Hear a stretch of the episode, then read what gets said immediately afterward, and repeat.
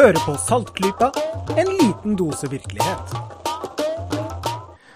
Hei, dette er Saltklypa episode 131, tatt opp søndag 30. oktober 2016. Dette er en podkast for vitenskap og kritisk tenkning, og i dag er det vitenskapsformidling som står i fokus. Spesifikt arkeologisk vitenskapsformidling. Jeg heter Jørgen, og med meg i dag har jeg ingen av de andre i Saltklypa.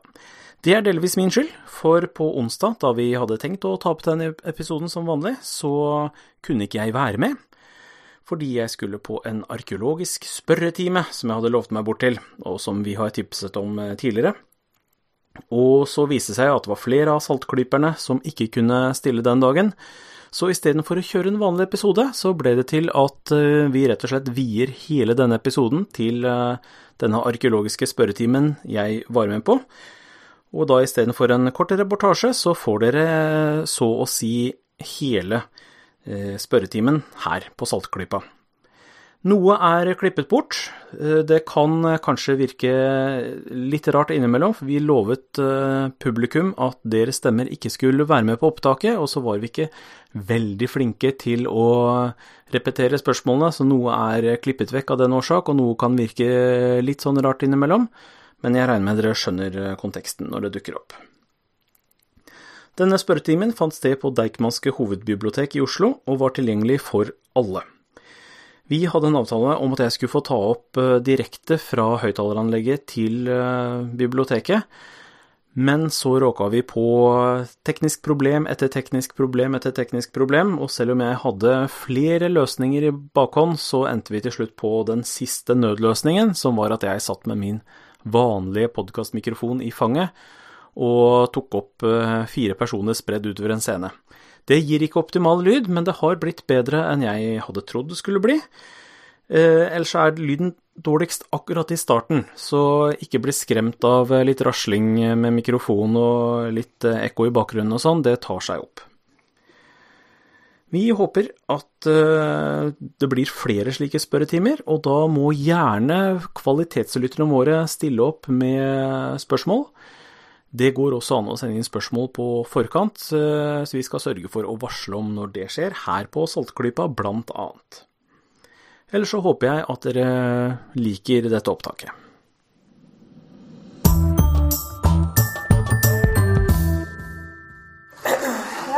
Velkommen til eh, arkeologisk spørretime. Første, første forsøk. Jeg kommer eh, fra en organisasjon som heter Archaeologists Engage. Det er en internasjonal eh, frivillig organisasjon som eh, jobber med arkeologisk formidling og å øke denne i forhold til publikum, og sånn at vi skal snakke mer med dere, rett og slett. Så i den anledning så tenkte vi at vi skulle arrangere et lite lokalarrangement her i Oslo, da. Og ideen er i grunn at vi, arkeologene, vi skal presentere oss om et lite øyeblikk, at vi svarer på de spørsmål dere måtte ha i en time. Og så um, har vi uh, etterpå også hvis dere vil være med ut og ta noe å drikke, så har jeg booket et bord på en kafé like rundt hjørnet etterpå. Så da er det bare å henge seg på. Men vi kan jo begynne da med, med å presentere oss. Jeg ta meg selv først, frekk som jeg er. Tine Schenk heter jeg, og jeg er arkeolog. Jobber med noe som kalles eksperimentell arkeologi, som er eh, praktisk rettet arkeologi, kan man vel si. At man kanskje reproduserer gjenstander og tester de ut i praksis, f.eks. Det er noe vi gjør ganske mye. Ellers så har jeg jobbet eh, som feltarkeolog i noen år. Og jeg har eh, også jobbet med å se på det arkeologiske arbeidsmarkedet, hvordan det fungerer. Så det er eh, min spesialitet. Så har vi Lotte Eigeland her. Ja. Eh, jeg har også jobba i mange år som feltarkeolog. Og da har jeg jo gravd stort sett alle periodene. Så er jo sånn har en generell bakgrunn der. Men jeg er mest spesialisert på norsk steinalder. Og har også jobba akkurat som Tine ganske masse med eksperimentell arkeologi. Og lage steinalderredskaper for å forstå hvordan de har tenkt i steinalder når de gikk fram med å lage lage redskapene sine. Ja. Ja, jeg heter Jørgen Tinglum Bøckmann og har jobbet mye som feltarkeolog, som de fleste andre.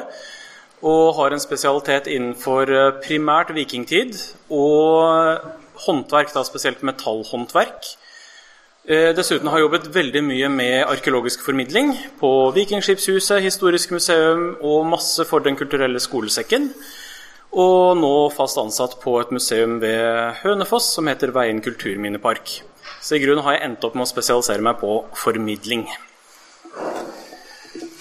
Jeg heter Linn Marie Kruksrud. Eh, akkurat nå jobber jeg i Fortidsminneforeningen med vern av eh, eldre bygninger. Men jeg er egentlig spesialisert innen vikingtidsarkeologi. Jeg har også jobbet mye i felt, hovedsakelig med bosetningsspor og graver i jernalder.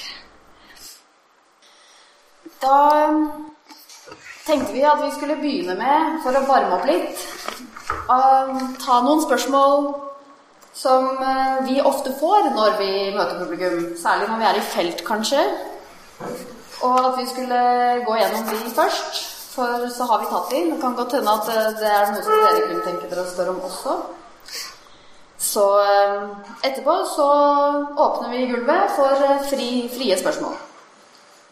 Men vi kan vel begynne med det, det, det jeg får oftest, i alle fall. Og vi har snakket om dette, vi får det alle sammen. Og det er Finner dere gull? Lotte, har du funnet gull? Ja. Og hva har du funnet? eh, jeg eh, gravde på eh, Kaupang utafor Lar Larvik, eh, som jo var en eh, ja, vikinghandelsplass. Norges første by. Eh, og der fant jeg en veldig bitte liten et beslag eller en knapp av gull som kunne ha sittet på noe sånn seltøy til hest eller et eller annet sånt. Og det som jeg syns er veldig artig med Nå vet jeg ikke om alt gull i vikingtid er sånn, men det er akkurat sånn tegneseriegult gull. Akkurat som i Donald. Sånn, sånn ser gullet ut for meg. det var veldig artig å finne. Jørgen, har du funnet gull? Ja, jeg har funnet gull. Hva da? Eh, det er egentlig litt kul historie. Jeg kan egentlig fortelle litt sånn eh, hva som faktisk skjedde, fordi det forteller litt om hverdagen til arkeologer også. Det var på, oppe i Brumunddal, på eh, et jorde som da skulle flateavdekkes, som det heter. Da går vi med gravemaskin og skraper av matjorda på jordet. Og når vi kommer under resten av omrota av plogen, så kan vi se spor av ting som har vært gravd dypt ned i bakken. Og da finner vi ofte spor av hus og sånne ting. Og på det området her så hadde vi spor av hus og masse kokegroper, fortidas steikeovn.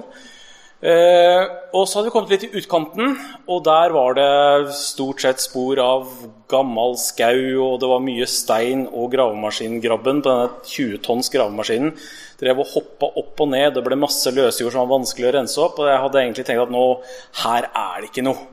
Så jeg hadde egentlig gitt opp, fulgte ikke veldig godt med.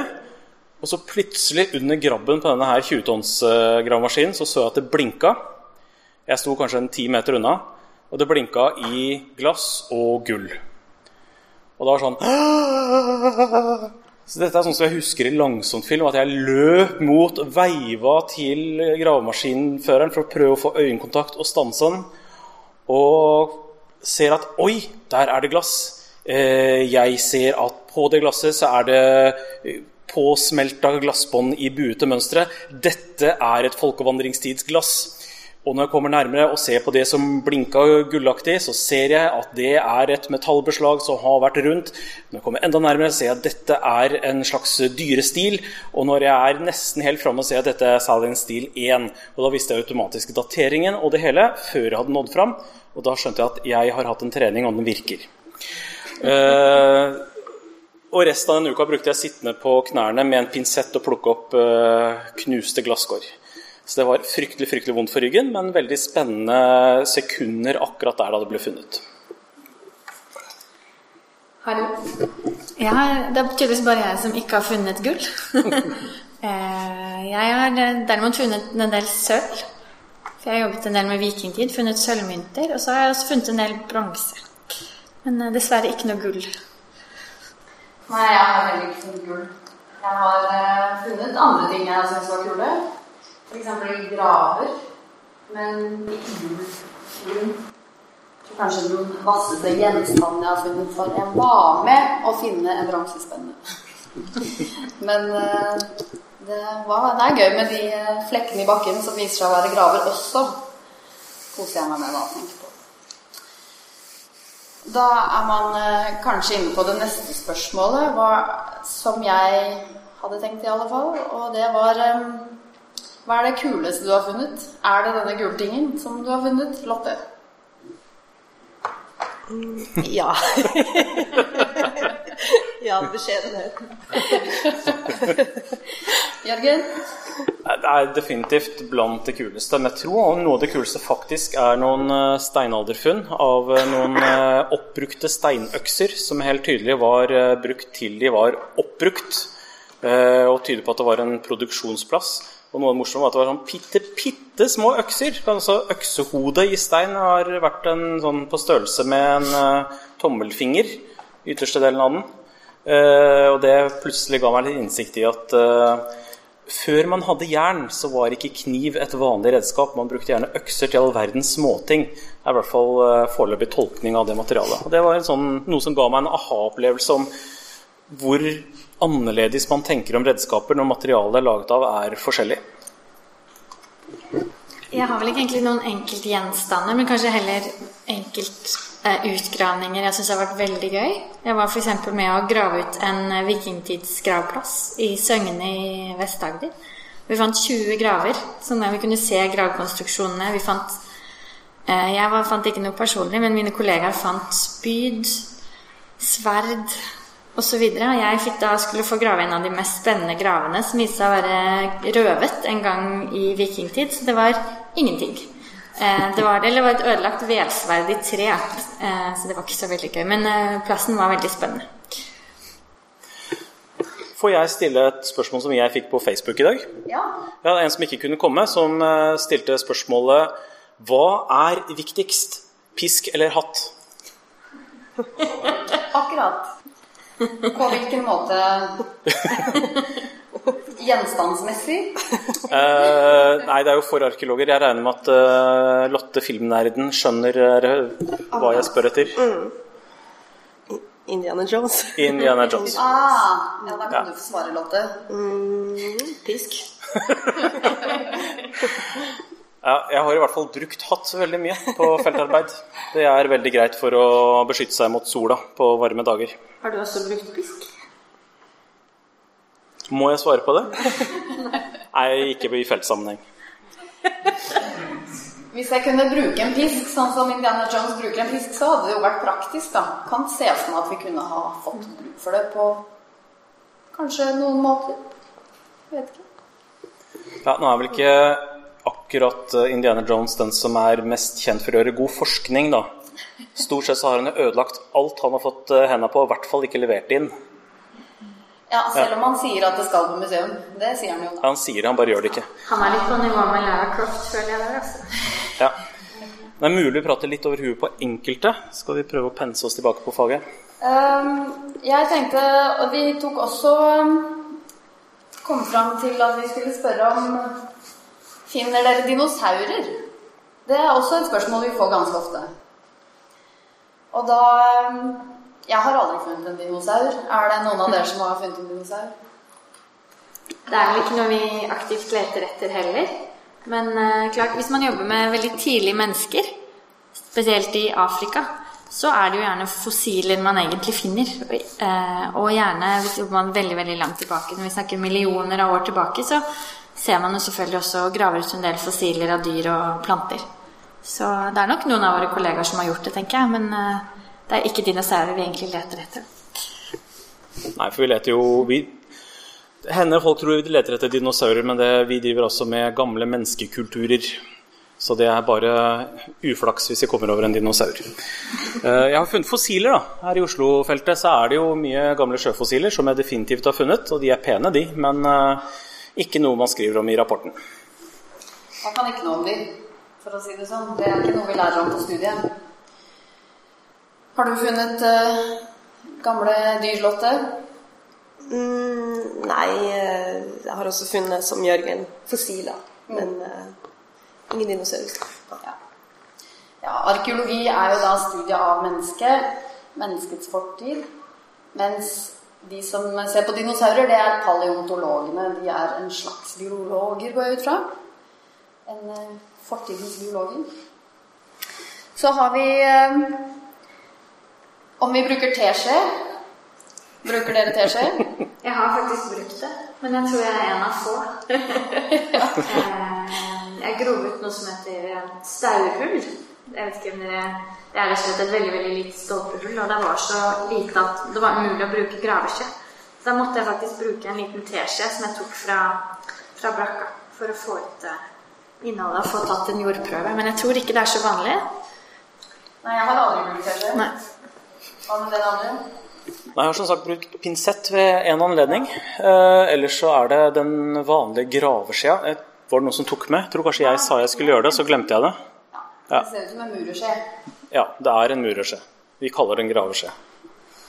Og vi bruker vel egentlig mest gravemaskin, Ja. tror jeg.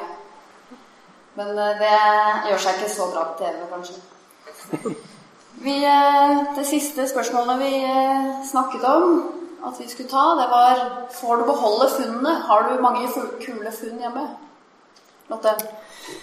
Uh, nei, får ikke beholde de. De går til museet. Ja, nei, alt er jo Hvis det er fra reformasjonen eller før, pluss noen spesialregler for båter og mynter og samiske kulturminner, så er alt statens eiendom i det det er fra reformasjonen eller før reformasjonen.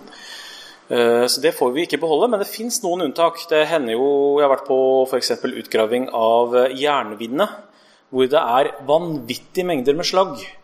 Og hvor det bare blir liggende igjen etterpå etter at vi, det er veid opp og sånn. Og da er det greit å forsyne seg. Så jeg har noen slaggklumper. Eh, og noen trebiter fra en brønn på Kaupang. Eh, men nei, vi skal ikke, kan ikke beholde. Vi kan i grunnen ikke det. Ja, altså Finnes det uendelig lagerplass for arkeologisk materiale? Eh, og det gjør det jo ikke.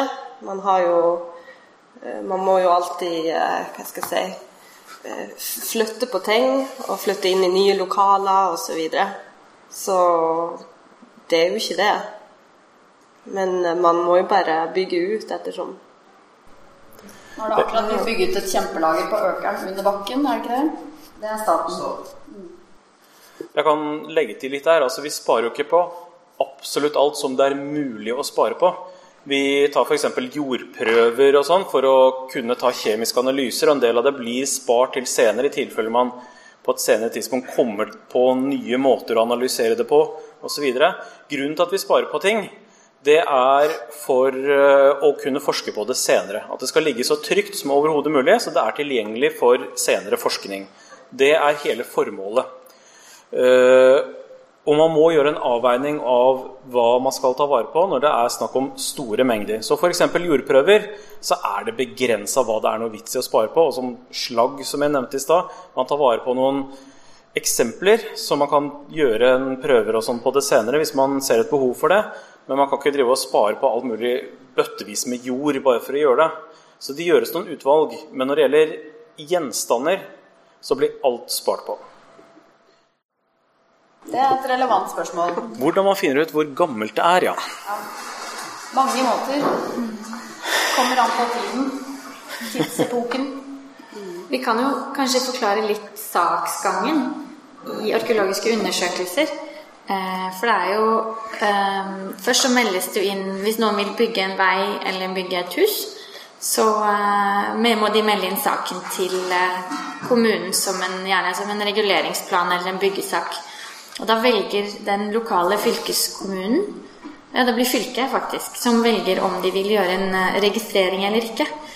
Og da, hvis de velger å sende ut en arkeolog som gjør en undersøkelse, så eh, er det de som da eventuelt finner materialet og prøver å datere det. Så det er på en måte den første dateringen man gjør. Har man eh, strukturer som et ildsted eller eh, sånn, så om man har trekull, så kan man sende inn en karbon 14-prøve. Eller så, hvis man er heldig og finner gjenstander som er det vi kaller ledeartefakter, altså som bare er laget i en tidsperiode, så kan man datere det ganske nøye. Eh, så, og så da sendes når de er ferdig med registreringen, har skrevet registreringsrapport, så oversendes dette da til Riksantikvaren. Eh, og da tar de en avgjørelse på om dette eventuelt skal graves ut av et museum. Og da får man da flere funn og gjør videre dateringer. Ja, man har vel en del forskjellige metoder på eldre materiale. Fordi stilistisk datering, sånn som ledeartefakter, det er ikke så lett å bruke når man kommer ned i steinalder. Man har noen ledeartefakter i steinalder, men man har veldig mange f.eks. i vikingtid. Sånn at det er eh, Når man kommer i eldre steinalder særlig, og spesielt nedover i Europa, hvor vi har mye eldre steinalder enn her i Norge, så går det an å begynne å bruke mer eh, Er det kjemiske, geokjemiske dateringsmetoder? F.eks. noe som heter termoluminescens, som er strålingen som avgis av et produkt etter at det har vært ildpåvirket, tror jeg det er. Sånn at hvis man har potteskår, og det har vært brent, så på Idet det potteskåret er ferdig brent, så begynner det å avgi stråling. Og så kan man måle den strålingen og så regne seg tilbake, da. For man vet hva halveringstiden er på den strålingen. Og vi har flere sånne metoder. Husker ikke navnet på så alle, men Vi har jo for um, særlig steinalder, da, så har vi jo strandlinjedatering, ja. som vi sier. Uh, og det er jo for at uh, strandlinja sto veldig masse høyere, og så ettersom isen smelta og landet heva seg, så ser du liksom at de eldste steinalderplassene ligger høyt i terrenget, og så legges de lavere og lavere jo lenger strandlinja sank. Premisset her er at folk bodde nær stranda? Ja, det er premisset. Og det ser ut til å stemme ganske godt. Ja. Mm. Ellers så har vi jo, eh, For litt nyere tid så har vi en veldig presis datering, som er årringsdatering. Når vi finner godt bevart tømmer og har helt ut til ytterste del med bark, så kan vi se, hvis vi er heldige da, og har en god rekke på sånne årringer fra andre trær, så kan vi finne helt ned på hvilket år, og til og med når det året det tømmeret ble felt.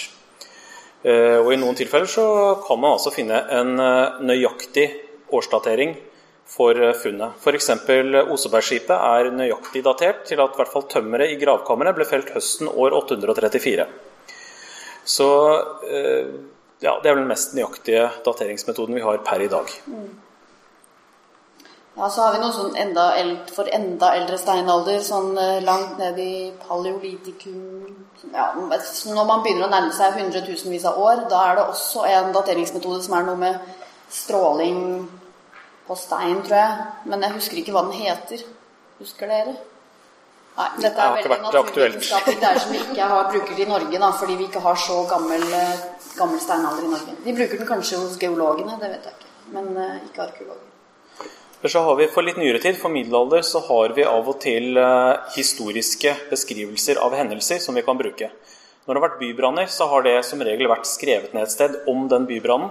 Og så når vi graver, så finner vi lag med kull, og så er det kulturlag imellom. Og så regner vi vanligvis med at byen vokser litt, det kommer mer og mer avfall. Så vi får liksom lag oppover, og det høyeste opp er det nyeste. Når det er sånn tydelige brannlag hvor det er mye trekull, så kan man si at ok, det er en bybrann. Så kan man prøve å finne ut hvilken bybrann er det laget, og hvilken bybrann er det laget over. Og så kan man si at ok, alt det som er imellom der, må være mellom de to årstallene. Så så lenge man klarer å knytte det laget til en konkret hendelse med et årstall, så har man en rimelig god datering på alt som ligger imellom. Ellers så kan man jo også være heldig å finne mynter. Det gjelder jo mest eh, I Norge er det jo ja, hovedsakelig fra vikingtid og framover. Og de er jo gjerne eh, Selvfølgelig står ikke årstall alltid, men det står gjerne hvilken konge de er preget under, f.eks. Og da har man veldig god oversikt over hvem som regjerte når. Så da er de veldig gode å bruke som, som datering også. Det var vel eh, hovedmetodene som vi bruker, iallfall i Norge. Vi bruker jo veldig mye C14. Vi får vel si det, Hvis vi har kull, så er det det som er primærdateringsmetoden. Og den derre typologiske, som det heter, som er det med stil på, et, på en ting, om den bare forekommer i en periode, f.eks. Men uh, det er mange muligheter, og det er sikkert enda flere enn disse også. Hvilke eh, mennesker er som er gravlagt i de gravene som er funnet i gamlebyen i Oslo? Linn Maria, har du lyst? Det, jeg er faktisk ikke helt sikker. Og det tror jeg ikke man egentlig er heller. Det vi vet, da, er at de som ligger under sånne store steinheller, som man ser ganske ofte inne i kirkebyene, det er typisk høystatusmennesker som har hatt råd til å la seg begrave inne i kirken. For det koster jo litt å grave opp kirkegulvet hver gang du skal gravlegge noen. ikke sant? Det er jo sikkert ikke det mest praktiske heller. Det begynte visst å stinke veldig. Og så har vi eh, Men vi har gjort eh, mange, mange funn i, i, i gamlebyen generelt av kirkegårder som er blitt gravd. Og det mest kjente er kanskje Klemenskirkens kirkegård, som hadde var det noen hundre skjeletter av det som ser ut som vanlige folk. Men den er bygd over av bygårder nå, da, sånn at det Eller av en bro, eller hva det er. Det er, det er skilt der ennå, men den, den, er ikke der. Så, men der vet vi at det var Det kom mye bra informasjon ut fra den om det vi tror er vanlige folk. Og det var f.eks. at gjennomsnittlig levealder på kvinner var eh, 28 år hvis man tok bort eh, spedbarn. Fordi det var eh, sannsynlig veldig høy barseldød. Mens gjennomsnittslevetiden på menn var 38 år. Og de hadde ofte en voldsom død. Og eh, så er det litt sånn om helse, og de hadde mye innbo... Ikke så veldig god magehelse. Mye orm ute og gikk. Og så hadde de en del slitasjegikt, fordi de antagelig brukte seg mye hardere enn det vi er vant til i dag. Og, men samtidig hadde de mye sterkere beinbygning i beina. Antagelig fordi de fikk mye mer belastning på beina. Da. Så de hadde vel kanskje mindre osteoporose, f.eks. Og så hadde de ikke noe hull i tenna. Ingenting. Jeg tror det var ett hull i tennene på noen hundre mennesker. Det er jo helt klart at når man ble gravlagt eh, det, akkurat i kirken der, så kan vi jo anta at du var et meget framstående medlem av samfunnet, i hvert fall. Og helt klart konge. Jeg tror at, at Sigurd Jorsalfare opprinnelig var gravlagt i en av kirkene i, i Oslo sentrum. Men senere ble han er flyttet til Akershus festning, så vidt jeg husker.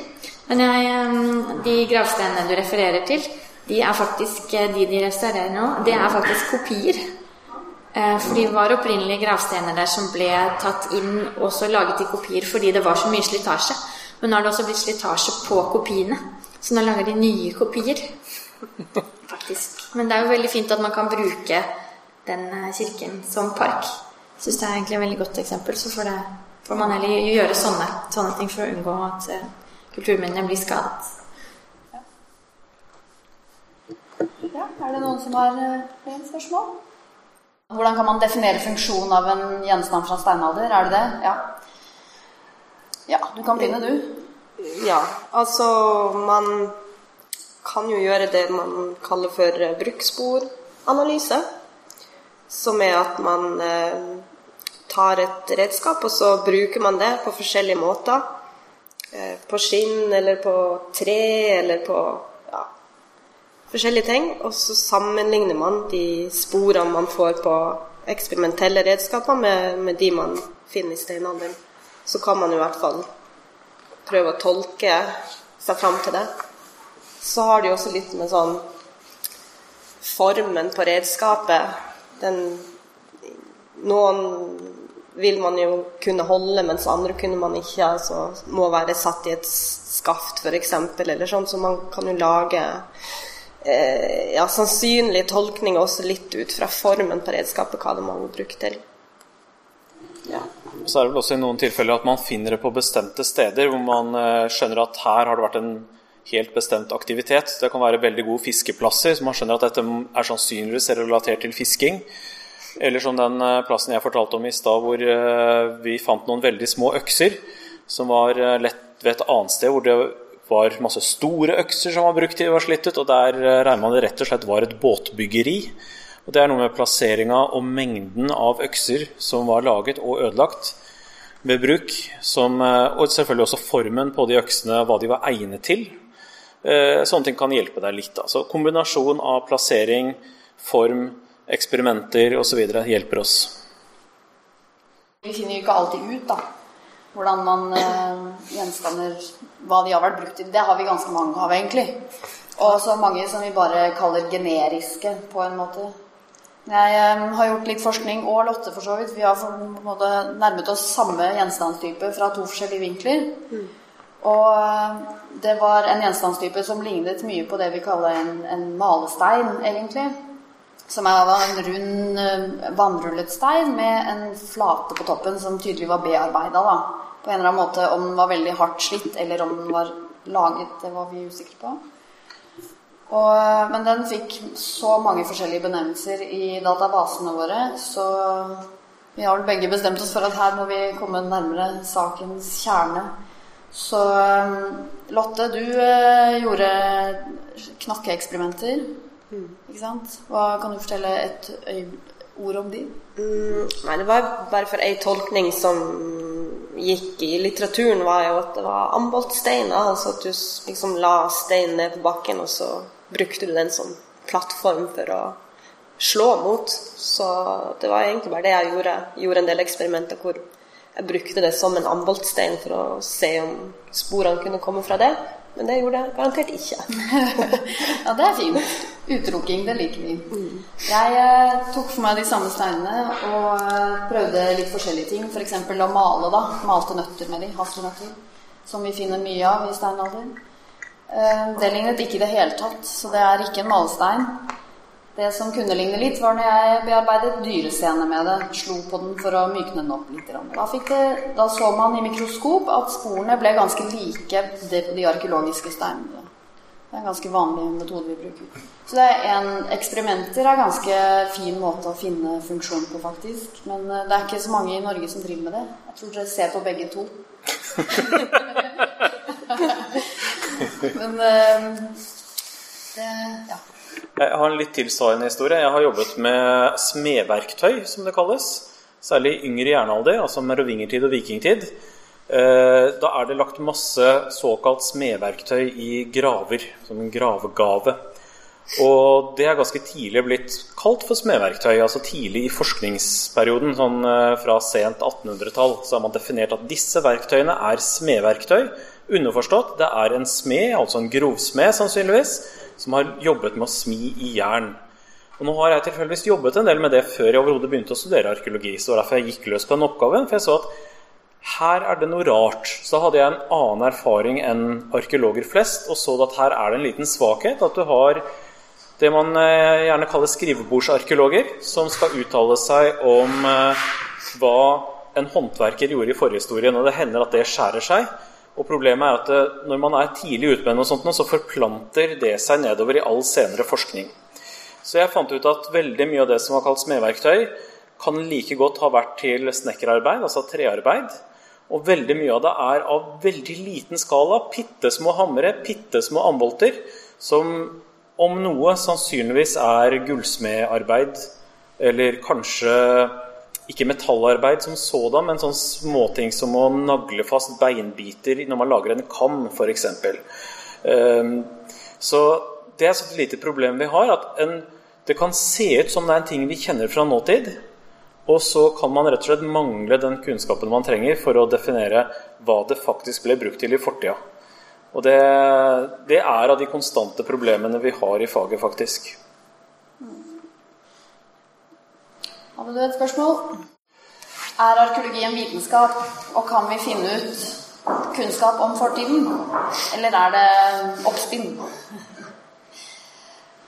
Nå er jo arkeologi i Oslo iallfall, og ved mange av de norske universitetene, plassert på humanistisk fakultet, ikke på naturvitenskapelig fakultet av noe slag. Sånn at eh, i bunn og grunn her så regnes det som et historiefag, mer eller mindre, i Norge. Og vi bruker mest de metodene som ligger nærmest opp til kanskje historiefaget, da. Fortolkning osv. I eh, utlandet så kan de gruppere seg mer med naturvitenskapelige fakulteter eller grupper enn det vi gjør her. Og det kommer i grunn litt an på tilnærmingen. For hvis du skal bruke C14-metode, så må du jo gjøre vitenskap. Du, eller naturvitenskap, da. Men hvis du skal finne ut hva en gjenstand ble brukt til, så er det veldig vanskelig å gjøre gjennom naturvitenskapelige eksperimenter, f.eks. Det er fortolkning. Så jeg vil si at det er et spektrum der av vi kan benytte oss av forskjellige verktøyer, men at når man har spesialisert seg, så, så vet man hva slags rammer som er for de metodene man selv kan godt. da. Og um, om vi kan finne ut ting om fortiden, det det, Vi vil vel si at vi er veldig gode på kvalifisert gjetning, iallfall. Jeg tror man skal som arkeolog være veldig forsiktig med å være bombastisk. Altså, for det er egentlig noe av det som er spennende med faget, og at uh, det, er, det, er, mange fortolkninger. Men selvfølgelig, vi kan jo etter hvert si hva som vi tror det er mest sannsynlig. Det er som Jørgen fortalte i stad, her har man antok veldig tidlig at en gjenstand var smedverktøy, så er det egentlig ingen så er det først senere at man har skjønt at, at det ikke stemmer i det hele tatt. Så jeg syns på en måte det er en av styrkene ved faget òg. Det er mange muligheter. Ja, altså Det er som sagt eh, et tolkningsfag. Så det arkeologi handler om, er i stor grad å lage tolkninger og eh, argumentere for dem. Og det er jo da vi, det som er det vitenskapelige ved det, er at vi er utsatt for fagkritikk. Så det er eh, nye arkeologer ser på det samme materialet igjen, ser på det på nye måter osv. Og, så og reviderer tolkningene. Og så er det om å gjøre å finne den mest sannsynlige tolkningen sammen. Og veldig ofte så ender man opp med at man får flere parallelle tolkninger som man ikke kan si sikkert at det er riktig eller gale, og så får man bare se om framtida lander på om en av dem er riktig, eller om det dukker opp en helt ny tolkning. Og det skjer stadig vekk. At man eh, kommer fram til helt nye tolkninger av noe som man trodde var ganske sikkert tidligere. Har du noe å tilføye, Lotte? Nei, det syns jeg var veldig bra sagt. Men det er jo, noen ting er jo veldig sånn absolutt, da. altså at uh, du kan finne ut at det var to kvinner som var gravlagt i Oseberghaugen. Altså, det er jo ganske ubestridelig. Altså, det er jo ikke alltid bare gjetninger. Vi kan jo vite noe også litt sikkert. Altså det han refererte til her, var Oseberg, den eldste av Oseberg-kvinnene, som uh, vi har ny forskning på. at uh, Han sa at hun var uh, delvis mann, delvis kvinne. Er, her har vi jo brukt naturvitenskap. så Det er undersøkelser av skjelettet som har vist en del defekter. Hun hadde en svulst i hodeskallen som har klemt på er det hypofysen, som har gitt noen hormonfeil som man mener har at, gjort at hun har fått en del maskuline trekk, muligens skjegget bl.a. Men ellers så var det en kvinne, altså. Men eh, ja, men dette er sånne ting hvor vi bruker naturvitenskap, og det må vi. Og naturvitenskapen kan da komme rimelig objektive svar. Og så er det arkeologenes jobb å komme med en sannsynlig tolkning av hva det så har betydd. Hva har det betydd at du har den rikeste graven i Norge fra perioden? Med en krokrygget gammel dame med skjegg. Er det viktig? Eh, er det ikke viktig? Det er vanskelige spørsmål som vi jobber med. Om det var sånn at gudene var tilkjennet. Nå er du inne på tolkninger, og du er også inne på noe som går litt utenfor arkeologien som sådan. Nå er du inne på egentlig de historiske kildene om gudelæren. Og jeg skal være veldig forsiktig med å uttale meg om det, fordi det er ikke det feltet jeg er inne i. Eh, men vi, det er jo én gud som eh, vi kjenner til som skiftet kjønn, og det er eh, Loke. Eh, men han er da også Nå begynner jeg å bevege meg litt ut på kanten av hva jeg kan, altså. Men han er det man kaller en trickster. En som gjør rare oppspinn, men får ting til å skje. og er litt utenfor resten. Han er både en fiende og en venn samtidig. utover det skal jeg være litt forsiktig med å tolke. Det er teorier om at man hadde sjamanlignende eh, hva skal man si, personer. Jeg tror i hvert fall i samisk mytologi. Jeg vet man har funnet noen graver som har hatt problemer med å kjønnsbestemme. Eh, Bl.a. en samisk mann som er kledd i en norrøn kvinnedrakt. Det tror jeg er fra, er fra Sverige eller Norge, men i Midt-Norge eller Midt-Sverige. Så det er ikke, men, men dette er, som, som Jørgen sier, her trekker vi tolkningene ganske langt. Men det har vært antydet i hvert fall at og som sjaman at du krysset grensen til den neste verden, at du også hadde en litt sånn flytende kjønnsidentitet, om man kan si det sånn. Jeg vil her bare trekke dette spørsmålet litt tilbake til det som ble spurt om senere. Er dette en vitenskap? Og her er vi langt ute på spekulasjonenes side. og Det er veldig spennende, og det kan hende det leder noe sted. Men vi må ta våre egne tolkninger med ganske store klyper salt på sånne felt som det her. Det er korrekt at det også er en hormonfeil på Gokstadmannen som har eh, medført at han har fått en abnorm eh, vekst av skjelettet. Det har fortsatt å gro etter at han eh, ble voksen, så alle leddene hans har hovna opp. og Sannsynligvis har han sett ut som et troll, for da, sånn man kjenner den hormonfeilen, så vil også nese og ører og alt fortsette å vokse. Nå har vi ikke ansiktet hans, så det vet vi ikke så veldig mye om, men han må ha sett ganske ille ut. Så, og det er jo to av de største, rikeste gravene vi har fra vikingtid. Og jeg skal ikke se bort ifra at det er eh, en sammenheng. At det er eh, to veldig spesielle personer rent fysiologisk som er gravlagt i de gravene. Ja, du har et spørsmål? Ja, finner, det er noen ting vi finner mye av, mye av. Og eh, om det er noe vi fortsatt er interessert i? Ja, i hvert fall Mesteparten av det er vi veldig interessert i. Vi har f.eks. Jeg tror vi har titusenvis av kullgroper i norske skoger som er spor etter jernvinne fra vikingtid, jernalder, middelalder. Hvor de trengte trekull til å få høy nok temperatur i jernvinovnen. Og vi er ute og graver de ut og sender ut. Kanskje det er én kullgrop som, eh, som er på et prosjekt da sender man ut én arkeolog og én gravemaskin, og så graver man det på en halv dag, og så tar man det med hjem. Det gjør man jo ikke. Jeg vil gjerne følge opp. Eh, jeg vil si helt klart ja, vi er interessert. Det er ikke sikkert vi eh, gjør så veldig store undersøkelser. Men det aller, aller viktigste er å få notert at funnet er gjort, og hvor det er gjort. Fordi det er veldig, veldig viktig for den videre forskningen å få en idé om utbredelse i tid og rom. Hvor vanlig var det? Eh, plutselig så ved en tilfeldighet så får vi vite at oi, det er et jernmineanlegg der hvor ingen ante at det var jernmineanlegg. Og så kan det sette oss på sporet og si at det er et eller annet med grunnen her som gjør at de har rast sammen, så vi finner dem vanligvis ikke. Men hvis vi leter godt nok, så viser det at oi, det er jo et helt digert felt her. Og plutselig kan det revolusjonere jernmineforskningen. Så ja, vi er interessert i alt. Og Eh, selv om man kan tenke seg at hva skal dere med enda en av de 10 000 eh, flintskårene? Vi vet ikke hva framtidas arkeologer kan finne ut om den lille flisen. Det kan vise seg senere å være kjempeviktig.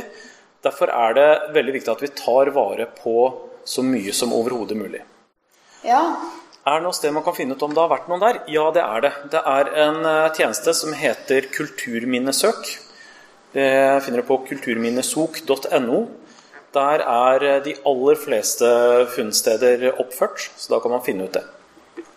Så vil jeg også si at Har man større utgravninger, f.eks. det vi kaller flatavdekking, hvor man fjerner matjorda og kommer ned til undergrunnen og da ser strukturene og kan grave dem ut derfra, så eh, har man gjerne et mål om at man skal grave ut en viss prosentandel av alle strukturene man finner. Så man graver ikke da egentlig alt, men velger ut gjerne de som ser mest ikke mest spennende ut, men at hvis det er noe spesielt ved dem. Jeg vet ikke helt hva man har som mål i prosent, men i hvert fall utgravninger jeg har vært på, så har man kanskje gravd ut mellom 20 og 40% av de strukturene man, man, avdekker. Og så lager man selvfølgelig Man måler inn alt på kart, sånn at man kan se på utbredelsen. Så Sånn sett er alt dokumentert, men det er ikke alt som er like godt dokumentert. Så det er jo dokumentert hvor den lille brune flekken er hen uten at man nødvendigvis har totalutgravd og solda jorden for å se om det finnes en eller annen flis av et brent bein der, så er den dokumentert på et vis. Det som også er fint med å vite om alt, det er at det kan fortelle oss noe om utbredelse. Også på nasjonalt plan eller i europeisk skala f.eks. Hvis det er ekstremt mye av et materiale, så kan man se, hvis man har kartfesta det, og det gjør vi jo da når vi graver, så kan du zoome ut litt, og så ser du plutselig hvor kanskje det danner seg mønstre med at dette er ting som primært forekommer langs kystlinja vår, eller dette er ting vi bare finner i høyfjellet, og hvorfor det, mon tro. ikke sant? Og da begynner vi å resonnere om spredningen, rett og slett, av funn. da. Men det kan du ikke vite noe særlig om før du har en viss mengde. Så da bør vi ha mange funn for å kunne si noe om det. Vær så god. Ja, jeg kan komme ned. Altså, eh, det var eh, kirken og gravhaugen Oseberggraven, og hva annet var det du sa? Gården som tilhørte. Så det er altså kirken, haugen og gården som ligger på en rett linje. Eh, jeg har ikke noe konkret svar på det. Jeg vet ingenting om den saken. Men jeg kan si litt om hvordan vi jobber med sånne problemer. For dette er noe vi stadig står overfor når vi er på utgraving. Vi uh, har tatt en flatavdekking og ser at ja, her det, har noen vært og gravd et hull i bakken, og her har noen vært og gravd et hull i bakken, og her har noen vært og gravd et hull i bakken. Det ser ut som de står på linje. Og Det er veldig lett å da låse seg til at her er det en linje, og tolke alt ut fra det. Uh, og Det er veldig lett å se seg blind på det og ignorere at ja, det er nedgraving der og nedgraving der, og det er mulig å lage all verdens konfigurasjoner ut av det.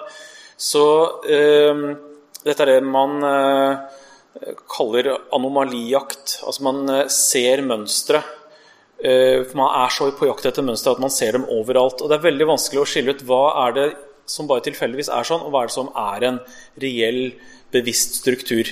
Så jeg, jeg vil bare si at jeg vet ingenting om den saken, men jeg tenker som så at her er det lett å se seg blind på. Det kan hende det er en veldig spennende sammenheng. Jeg vet ikke. Ja, Om, om uh, gravlagte kvinnen har bodd på den nærmeste gården? Det er selvfølgelig fullt mulig. Normalt så er det en uh, bosetning i tilknytning til et gravfelt. Eller kanskje rettere sagt, gravfeltet er i tilknytning til bosetningen. Så det er veldig sannsynlig. Uh, utover det så kjenner ikke jeg lokalområdet. Det er godt nok til å vite om den gården er den storgården som haugen tilhører. Det vet jeg bare ikke. Det er naturlig å anta at de disponerte det området, vil jeg tro. Ja, men samtidig så kan eh, gårder eh, skifte litt plass. altså Særlig etter utskiftningene som skjedde etter renessansen, så kan det som nå oppfattes som hovedgården, være et ganske nytt fenomen. Så da må man gå i lokalhistorien og se om man kan finne om eh, man kan spore gården på samme sted langt tilbake i tid. da. Oi, er arkeologi en nasjonal sport, eller er det internasjonalt? Ja og nei. Godt svart. Ja, Det kommer litt an på egentlig hva slags felt man eh, jobber innenfor. Jeg og Lotte, som jobber i så ekstremt lite felt, felt i Norge, vi forholder oss mest til internasjonale funn og forskning. Jeg selv har forsket på tysk arkeologi og litt forskjellig som ikke er eh, norsk. Men ellers i Norge, særlig vikingtid, er kanskje mer en nasjonal og skandinavisk sport. Ja, det vil jeg si. Eh, det har flere grunner. Én ting er at man jobber med et kulturområde, og da er det liksom stort sett Altså jeg som jobber i Norge, kan mest om den norske forhistorien, så det er naturlig at jeg driver med det, og det gjør de fleste av mine kollegaer den gang jeg drev med sånt. Eh, samtidig så er det internasjonalt, fordi eh, kultur er internasjonal. Det er ingen kultur som har levd i total isolasjon, i hvert fall ikke i denne delen av verden de siste årtusene. Det har vært masse kommunikasjon, og vi har veldig veldig stort utbytte av å kommunisere med kollegaer i andre land og se på store spredelsesområder og kulturpåvirkninger osv. Så, videre. så det er en del sånn kontakt. Det er mye internasjonale symposier og sånne ting for å kommunisere på tvers av landegrenser. Og I tillegg så er det også en del som reiser rundt i andre land og har feltarbeid der. Og særlig Norge er et attraktivt sted å jobbe, for vi har ganske gode lønninger for feltarbeidere. Så eh, på en litt større utgraving så er det helt vanlig at det er én, to eller tre utenlandske arkeologer som jobber. Så vi er ganske internasjonale. I vikingtidsforskningen så har egentlig hovedproblemet vært at man har alltid sett veldig vestover. At man har vært fordi Norge har hatt gode forbindelser vestover til England, Frankrike osv., så, videre, så har man tenkt at sånn var det også i vikingtid. Men så har man jo senere tid sett at det har jo også vært mye bånd østover. Så nå har man i de senere årene sett en litt dreining mot at man også ser på forbindelser, forbindelser som vikingene hadde mot Russland og Baltikum osv. Fordi man da har fått også Etter at eh, jernteppet falt, så har man også skjønt at kulturutvekslingen gikk jo også den veien. Du har vel forsket på irsk arkeologi? Ja. Så, Så ja og nei. Ja, noe av det som gjør det litt til en nasjonal sport, det er at alle land har sine egne kulturminnelover. Så man jobber innenfor sitt lands regime på det. Og det gjør at det av og til kan være litt vanskelig å krysse landsgrenser og gjøre ting som man er vant til. Så på den måten så er det en liten begrensning. Men uh, det er såpass mange som driver internasjonalt at det er ikke noen stor hindring. Og vi gjør det i stor grad, altså. Ja, da har vi tid til et siste spørsmål. Er det noen som har lyst til å kaste inn et? det spørsmålet ventet vi har jo ikke tenkt at det kom til å komme. Vepsebolet. Altså, metallsøkere, er de venner eller fiender? Uh, ja, det kommer egentlig litt an på sammenhengen. Fordi det er ganske mange fylkeskommuner som uh, leier inn, og museer også, som leier inn metallsøkere til å søke over i gravesammenheng. Jeg selv har hatt metallsøker profesjonelt da, som kom ut for å søke over gravhauger som jeg hadde funnet. For å se om det muligens kunne være funn av metall i de, sånn at vi eventuelt visste det før vi begynte å grave. Og de har jo vært ute og lett etter både hist og pist, holdt jeg på å si. I Vestfold vet jeg de har brukt dem en del også. Men øh, ja. Ja, altså Det er et tveget sverd, det der. Det er, øh, vi arkeologer har veldig stor nytte av kompetansen til metallsøkere, og leier dem da inn for å gå over utgravningene våre. og Hjelper oss masse med det så er det noe litt annet når metallsøkere går på egen hånd. Og det er egentlig der konflikten ligger, og det er en konflikt. Det er ikke noe å stikke under en stol. Uh, hvis du spør ulike arkeologer, så får du forskjellige svar. Det er ganske mange arkeologer som er positive til metallsøkere, og mener at uh, de er et flott bidrag til å øke interessen for forhistorien. Og at de får opp en del funn som uh, sannsynligvis ellers ville gått tapt. Særlig når det er jo i pløyet jord at man har lov til å gå og lete med tillatelse fra grunneier. Og Da er jo som regel konteksten, altså funnomstendighetene, er ødelagt, for det er omvelta av plogen for lengst. Og det er egentlig bare et tidsspørsmål når disse tingene går i stykker.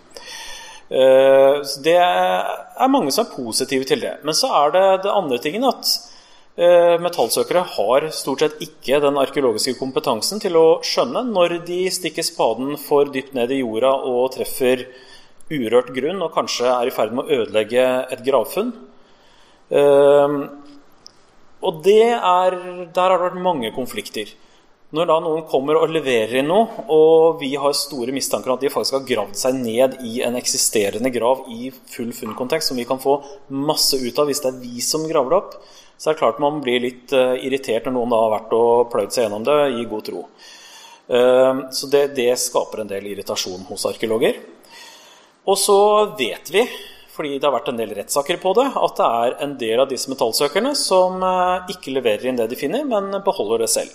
Og da tar de fra oss muligheten til å vite hva som finnes der, muligheten til å ja, forske på den delen av lokalhistorien.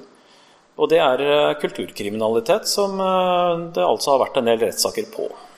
Ikke minst tar de da eierskapet fra det norske folk til veldig flotte ting som vi aldri skulle ha vært sameier om, for å si det sånn. Som da ender på heishylla. Men det er eh, de siste, den siste kategorien, da. Jeg har veldig mye å si om dette her. Jeg skal gjerne legge ut litt til. det kan vi ta på kafeen etterpå. Jeg vil si én veldig veldig viktig ting. Og det er noe som mange metallsøkere ikke har bevisst for seg. Det er at særlig metallfunn, når de kommer opp av jorda, så går de mye mye fortere stykker enn de gjør når de ligger i jorda. Så i det øyeblikket man tar oldsaker av metall opp av jorda, så bør de til konservering så fort som overhodet mulig. Så man kan stanse de nedbrytingsprosessene som skjer når de får fri tilgang til luft. Så det, det vil jeg bare få sagt før vi avslutter. Så vi vil, vi vil gjerne være venner, ja. er vel egentlig konklusjonen, eh, vil jeg si. Ja. Det er best hvis man kan samarbeide og strekke ut hånda på begge sider. Ja, da tror jeg at vi skal avslutte, fordi eh, de ansatte på Deichmanske må også få lov til å gå hjem i dag. Men uh, Nei. Det er en ansatt som rister på hodet bak der. Ja, det er hyggelig. Men eh, dere skal ha hjertelig takk for at dere kom. Jeg håper dere har syntes det var eh, litt interessant. Og hvis vi prøver å arrangere det igjen, at dere kunne kan, tenke dere å kanskje komme en annen gang også. Så tusen takk. Ja.